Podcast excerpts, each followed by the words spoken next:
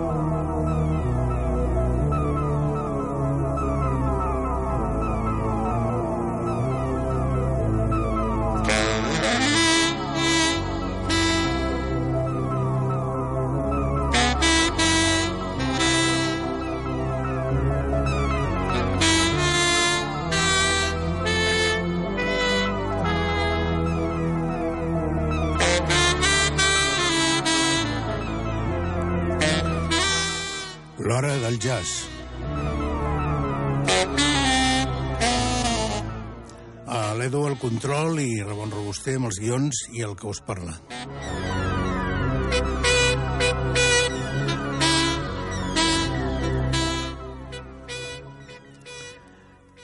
En moltes ocasions, a, a l'hora del jazz de Calafell Ràdio, hem, hem dit que l'idea bàsica de, del programa era portar en primer lloc mm, un, un, alguna gravació clàssica, alguna versió de fa anys, que tingués un reconeixement important, com una peça singular o com una peça amb què els músics doncs, van brillar d'una forma extraordinària. No sempre ho podem complir perquè les novetats són importants i sobretot eh, des de la pandèmia cap aquí que hi va haver un cert, un cert eh, part, un, es va parar una mica, però ara ja porta pràcticament un any i mig que les novetats són eh, moltíssimes. Però mm, estem parlant de, la, de les mateixes coses. Estem parlant de que és una novetat i estem parlant de que és una, és un, són uns àlbums clàssics. Per tant, avui podrem fer el que sempre ha sigut la idea del programa. Tot i que per la importància i, i la densitat d'aquesta gravació que presentarem ara avui, doncs eh, ens ocuparà bastant de, bastant de temps, més que el que en teoria tenim previst per aquestes edicions o escoltes o repàs de gravacions de fa temps. Això es tracta d'un àlbum de 4 LPs o de 4 CDs que la Craft Recording ha tret el 3 de febrer d'aquest any 2023. Per tant, estem parlant d'una novetat. Però de què es tracta això? Això es tracta del de conjunt d'àlbums que es van gravar fa un temps.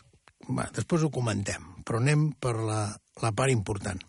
Això és el, curtet, el, el quintet del senyor Eddie eh, Lockham Davis i la senyora eh, Shirley Scott. Eh, L'àlbum s'anomena eh, Cook with Jam and the Queen i també hi ha una altra petita explicació de, que posa de legendari prestís eh, Cookbook Albums. Àlbums de cunya o alguna així, no? Sembla que vulgui dir. Eh, bé, els músics que intervenen en aquesta història. El senyor Eddie Davis, amb el seu sacto tenor, com tots sabeu, eh, la senyora Sylvia Scott, amb l'orgue i el, amb el Hammond B3, en aquells moments la Shirley tenia només 24 anys, el Jeron Richardson amb, amb, amb, amb clarinet, eh, flauta, tenor i baríton, o sigui, elements de, de, de fusta, no? Eh, vents de fusta, i hi ha alguna peça que escoltarem amb la, amb la flauta fantàstica. eh, el George Duvivier amb el baix i l'Arthur Edheir a la bateria. Eh, de tots aquests personatges, actualment només n'hi ha un de viu, que és l'últim, el bateria, el senyor Arthur Edheir, Edheil, eh, que mm, crec que mm, bueno, està, té, actualment té 96 anys. Els altres mm, ens van deixar fa molt de temps ja us comentarem després. Eh, això es tracta de, de celebrar, de commemorar el, el 100 aniversari del dia que va néixer el senyor Davis. I mm, el que fa la, la discogràfica, com us he dit, Craft Recording, que us dono el número de catàleg per si ho volguéssiu comprar o volguéssiu tindre-ho, és el 7242477 i que, com us he dit, ho podeu trobar tant en 4 CDs com en 4 LPs. Tot i que la versió de 4 LPs me sembla que està... Eh, me sembla que només n'han fet... Bueno, després ho comentaré perquè ho tinc per aquí apuntat i ara en aquest moment no ho trobo, però com si només n'haguessin fet 900 unitats o no sé, alguna així. Després ho comentem. Eh, per tant, si voleu els LPs, passeu una mica de via perquè potser després ja no hi seran. I això, com us deia, són per fer aquesta eh, commemoració dels 100 anys del naixement, eh, treuen al mercat amb una reedició, agafant les, les, les cintes originals, gravades en el seu moment, de eh, quatre, de quatre LPs que van treure aquest quintet junts entre 1958 i 1963, tot i que van estar gravats tots en tres dies, eh, tres dies seguits, eh, amb, amb, el, amb els estudis aquests famosíssims d'aquella època, del 1958, ho van gravar eh, els estudis del Rudi Van Gelder, el seu estudi original de Hagensack. Eh, què, què passa? Que en aquell moment la, les polítiques de venda, ja, la publicitat ja funcionava i, i l'editorial que va fer aquestes quatre gravacions doncs, ho va treure d'una manera progressiva entre 1958 i 1963 per maximitzar les ventes, no? perquè si ho treus tot de cop potser menys, molt menys. No? Pues, bueno, ho van fer així.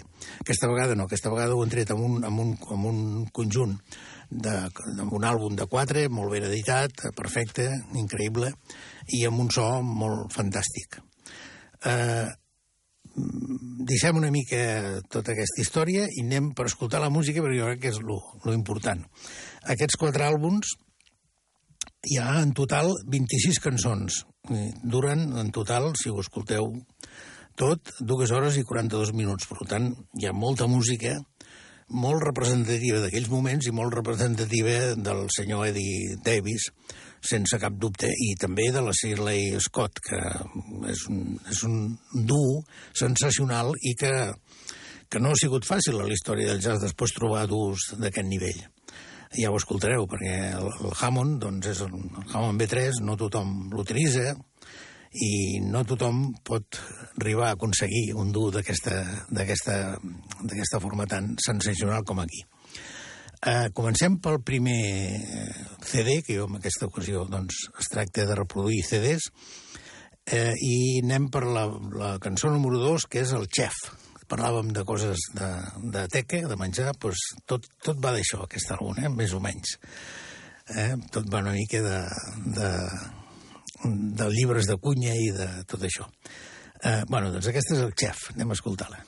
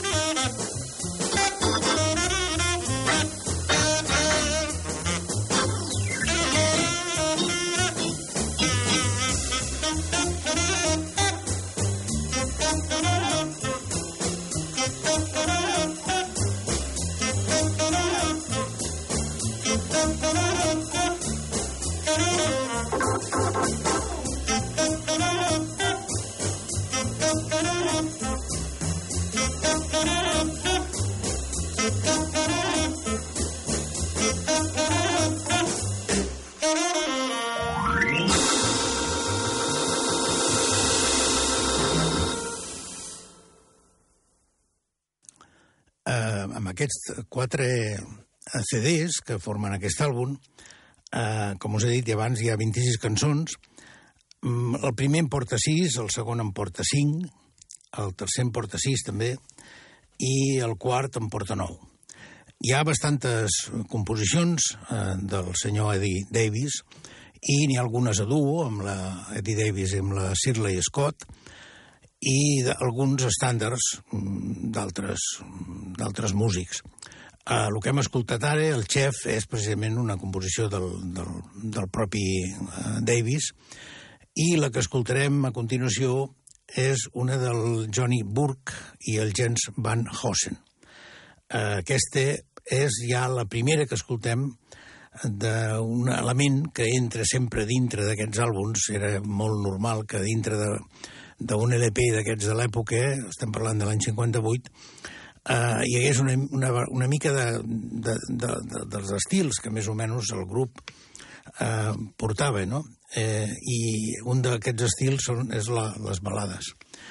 aquesta és preciosa. Hi ha moments amb el saxo del Eddie Davis fantàstics. Eh, aquesta eh, s'anomena mm, Pro Bonic, eh, Bud, Beautiful.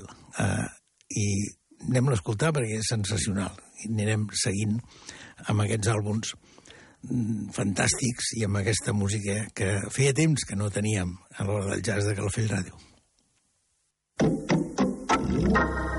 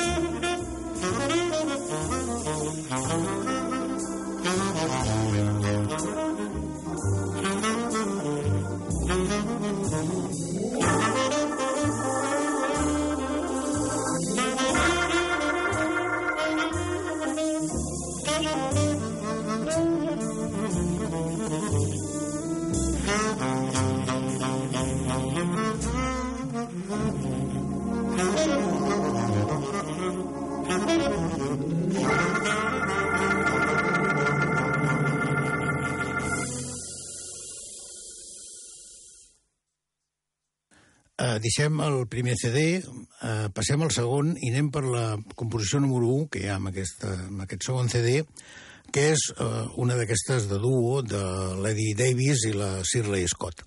La composició és d'ells. S'anomena el Ref. Uh, és, és una peça de les millors que, que jo crec que hi ha en aquest àlbum. Uh, totes, són, totes tenen la seva, la seva història, totes són molt bones eh, totes estan molt ben tocades. No, no sé, hi ha una, sèrie de classificatius que no cal que es repeteixi, no? Per això s'ha fet aquesta reedició i per això ho estem portant a l'hora del jazz de Calafell Ràdio, perquè realment jo crec que és una cosa interessant i que val la pena. Eh, també vull comentar que eh, aquest, aquest quintet eh, ja feia anys, ja feia diversos anys, ja feia pràcticament tres anys o més que tocaven junts quan aquest 1958 el Rudy Van Helder va decidir gravar-los amb aquests estudis famosos, no? I que, que van seguir treballant mm, quatre anys més, fins a, després d'aquestes sessions. Uh, i, I anteriorment a aquestes sessions ja hi havia hagut uh, algun àlbum d'ells, ja havia, ja havia sorgit algun àlbum d'ells. Per tant, és singular aquesta, aquesta unió entre aquest saxo fantàstic i el, el, el Hammond B3 de la Shirley Scott. Eh, aquesta peça que escoltarem ara, del Ref, jo, a mi m'encanta perquè és com una espècie de, de crit amb el saxo. Eh, el, el, el Hammond li dona com un misteri de fons, eh, va, va treballant d'una manera que ho fa una mica encara més misteriós, més, més interessant, més que vols escoltar més, no? i després apareix eh, la flaute del, del Jeron Richardson, eh, moments magnífics que sembla que ho, pacifiqui una mica, sembla que posi pau amb tota aquesta història, no? I finalment el grup esclata al final tots junts. Anem a escoltar el ref.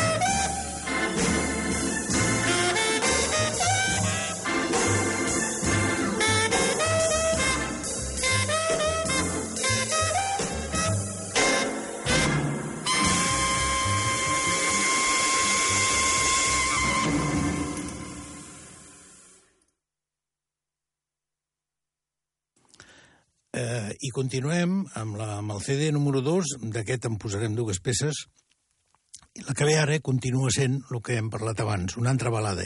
Totes les que ja les posarem, perquè són fantàstiques i crec que és molt representatiu també d'aquest quintet.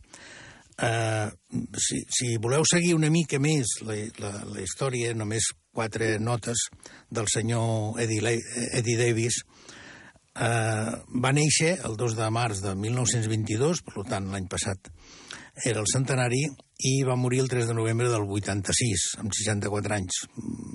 Morien molt joves, eh? perquè aquí eh, la Silly Scott també va morir el 68, va néixer eh, el, el 34 i va morir el 2002. Eh, eh, per part de, de Davis podeu buscar peces molt interessants, discografia molt interessant, amb el Combassi, amb l'orquestra de Combassi, i jo vull destacar també, a part d'aquest grup que estem escoltant avui, que és realment importantíssim i molt interessant, i, i jo crec que aquesta reedició de Craft Recording és molt, molt adequada, molt interessant, però hi ha alguna cosa junt amb un saxo també increïble, que és el Johnny Griffin, i que el 1960 van gravar, van gravar un àlbum memorable que és el Tof eh, Talks eh, Tenors, que el vull, eh, bueno, que el podeu trobar i que és un, és un dur de, sa, de saxos magnífic. Eh, anem per aquesta baladeta fantàstica que és de un senyor que s'anomena Hoyi eh, eh, Carmichael i que s'anomena Pols d'Estrelles. Sembla que la coneixeu tots.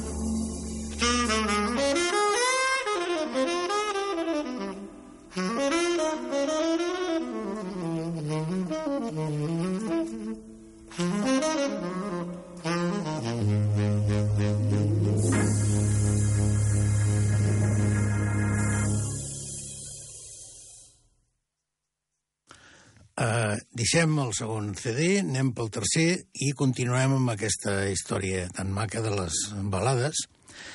Uh, aquesta s'anomena La meva vella flama. Uh, és una composició de Sam Kozlov i Arthur Johnston. Mm, vull dir que el que comentàvem, que estem escoltant preciositats, no? estem escoltant coses eh, que tots hem escoltat fa molts anys i que tornàveu a sentir amb aquesta qualitat i amb aquest nivell dels músics, doncs val la pena. Música molt emotiva, eh, en alguns moments, eh, altres moments totalment despreocupada, allò que, bueno, anem fent i, i surt així, no? Però perfecte. Swing, hard blues, el que vulgueu, no? Una mica de... En fi, però molt maca, molt maca. Eh, I amb les balades, doncs, com la que, que escoltarem, continuem tenint aquest saxo fantàstic del de dir Luca Davis eh, eh, amb els tocs de la Shirley Scott, sempre darrere, d'una manera fantàstica i increïble. Anem per eh, aquesta peça que és la meva vella flama. I,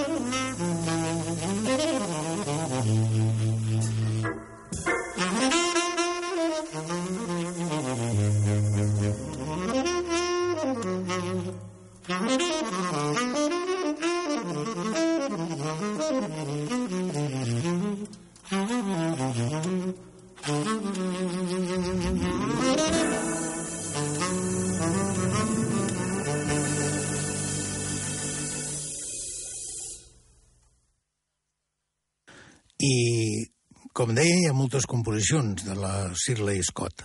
La que escoltarem ara és d'ella. És una peça llarga, és una peça d'aquestes que, mm, que eren molt normals amb els, aquests anys, amb, els, amb aquestes formacions, que és aquesta, aquest ritme balancejat, aquest ritme que, que amb l'orgue, el baix també, que sempre anant balancejant i la bateria acompanyant-ho, i que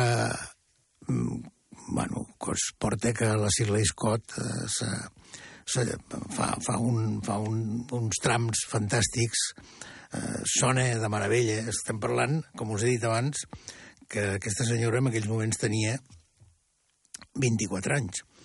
Eh, per tant, ja era una gran estrella i era una estrella que al costat d'aquests personatges doncs eh, brillava, no? I a més a més encara brillava més per una qüestió que en aquells moments era molt difícil, que una, una noia d'aquesta edat, una senyora, estigués amb aquests grups de, de música per als Estats Units. No? Uh, la peça uh, s'anomena A foc lent i ja veieu que hi ha moltes d'aquestes peces que van relacionades amb el que em deia, no? amb, el, amb la cunya. Anem per ella amb, amb aquesta fantàstica peça amb el Hammond.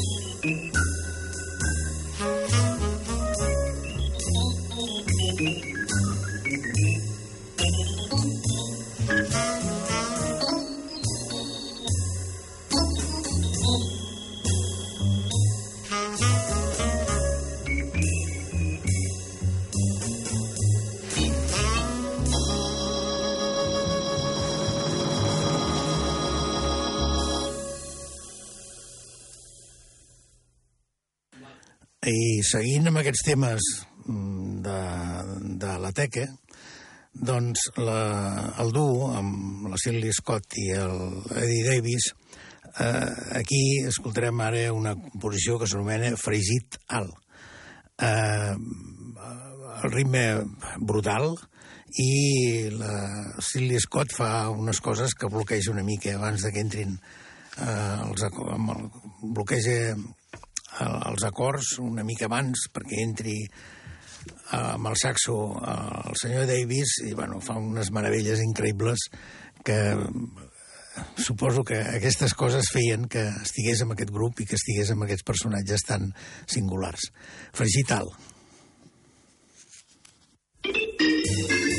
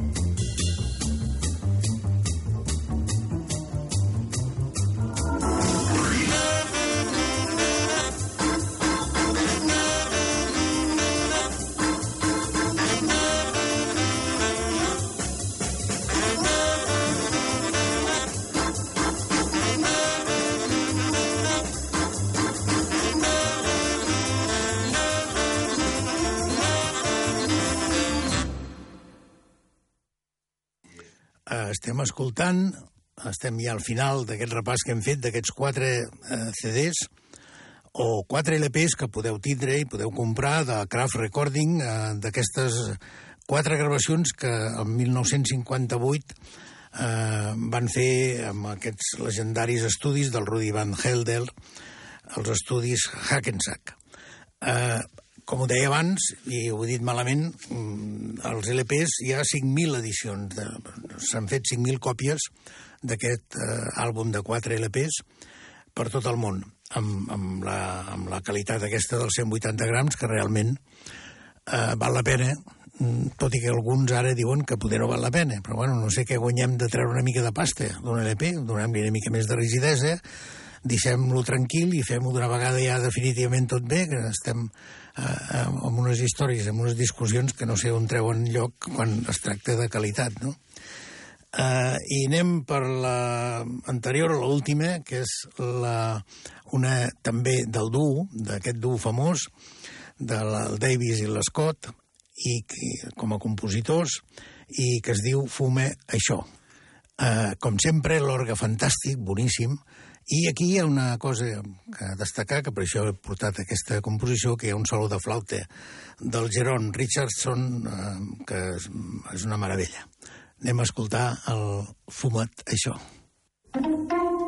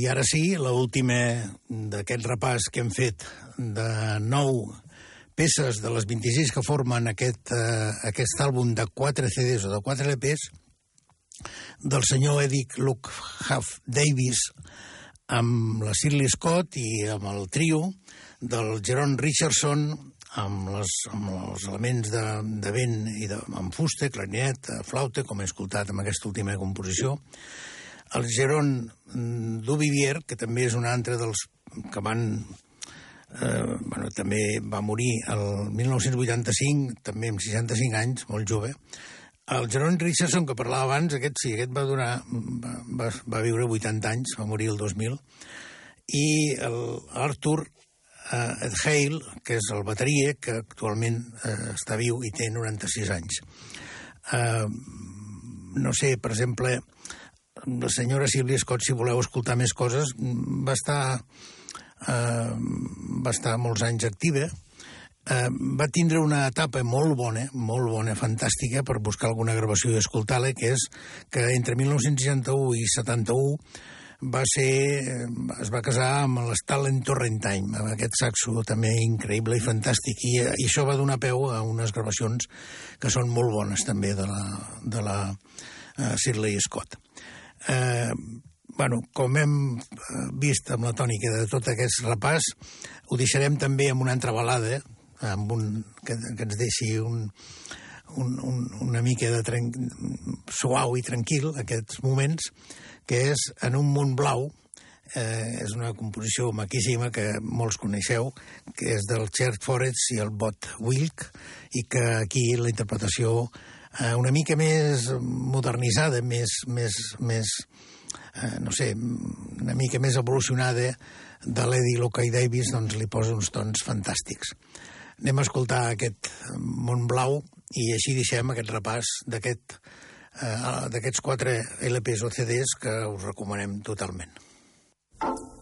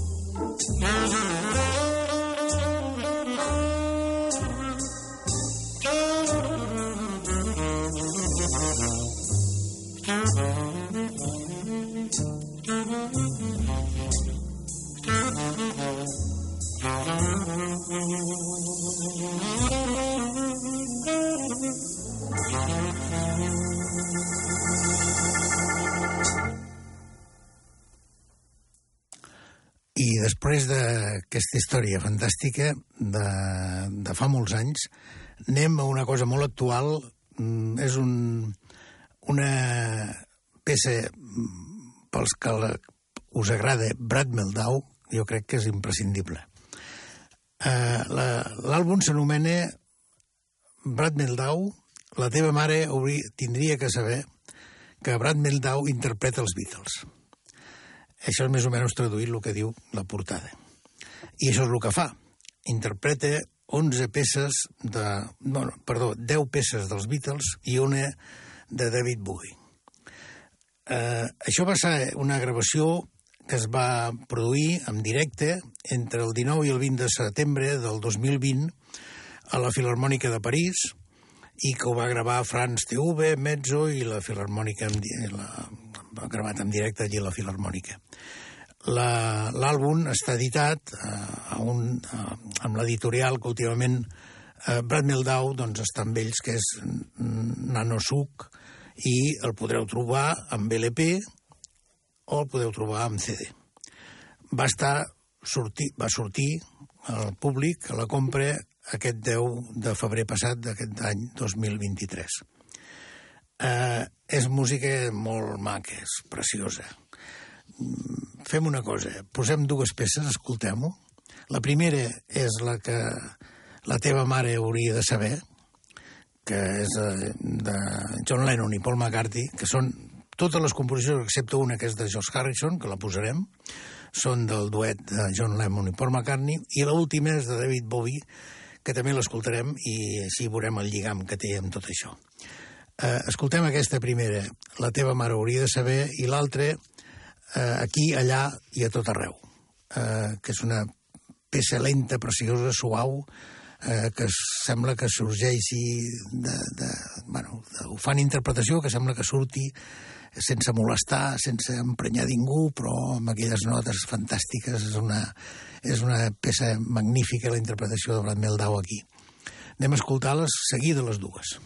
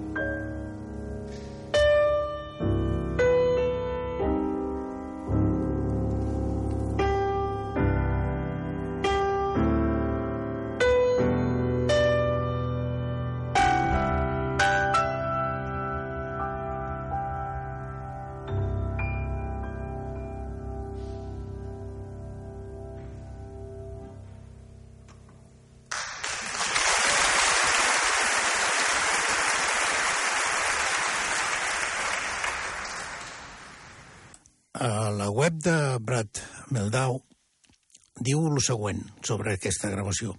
Quan vaig començar a utilitzar l'instrument, els Beatles encara no eren el meu radar.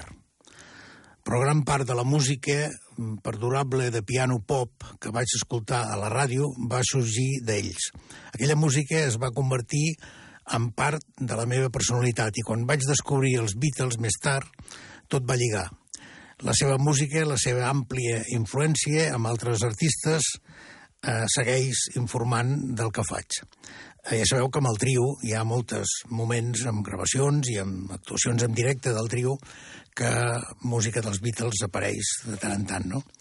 Eh, anem per la composició de l'àlbum eh, número 8, que és la que està, eh, és una composició, la que us deia, de George Harrison.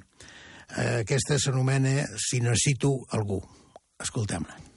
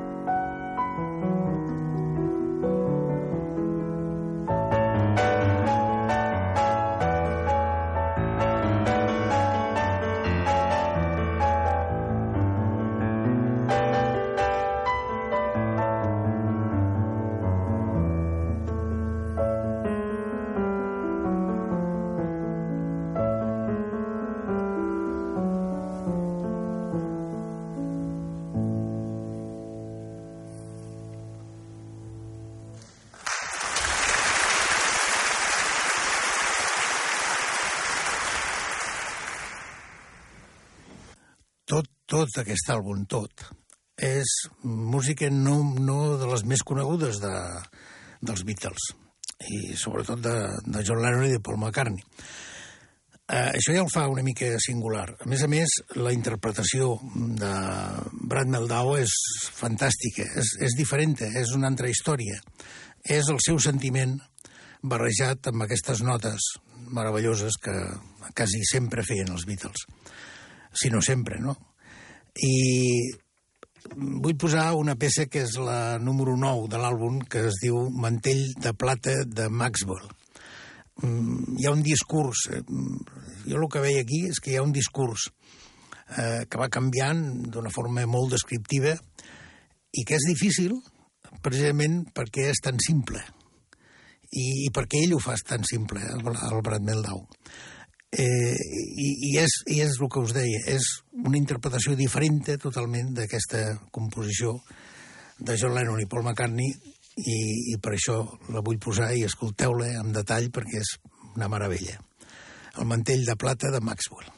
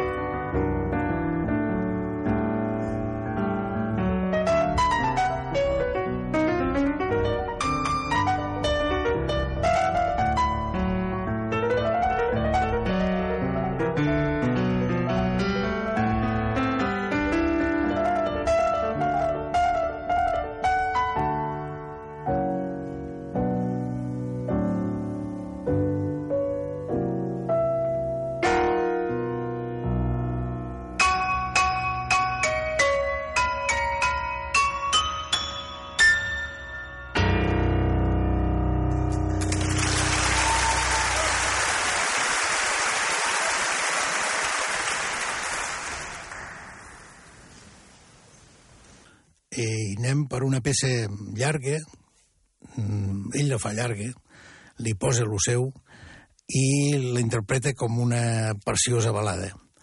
És eh, la que també de John Lennon i Paul McCartney, que és els somnis daurats.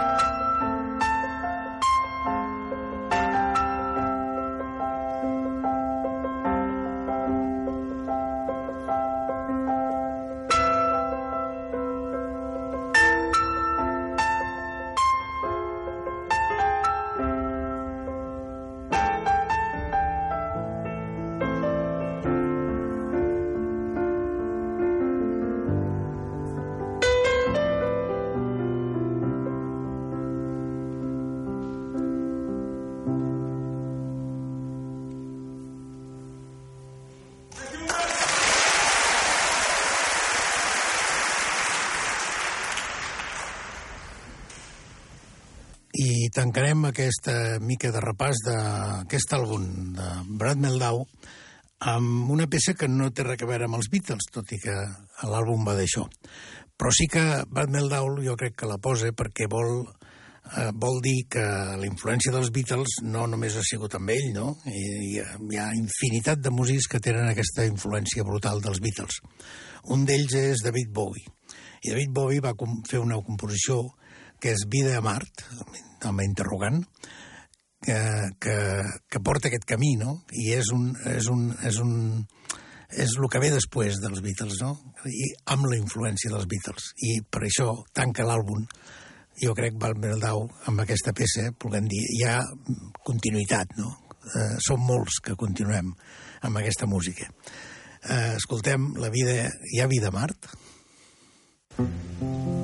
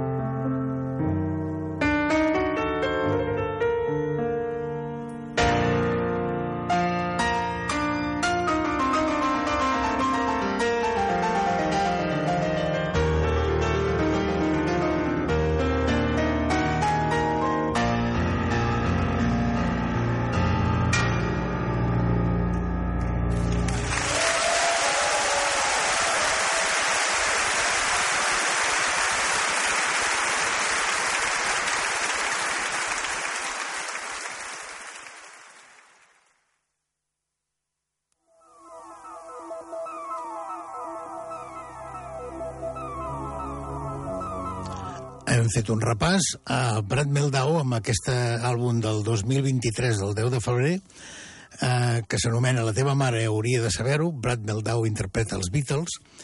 Eh, Quedeu-vos amb això, la Filarmònica de, de París en directe, el 2020, i Brad Meldau amb el seu piano tocant els Beatles de forma increïble.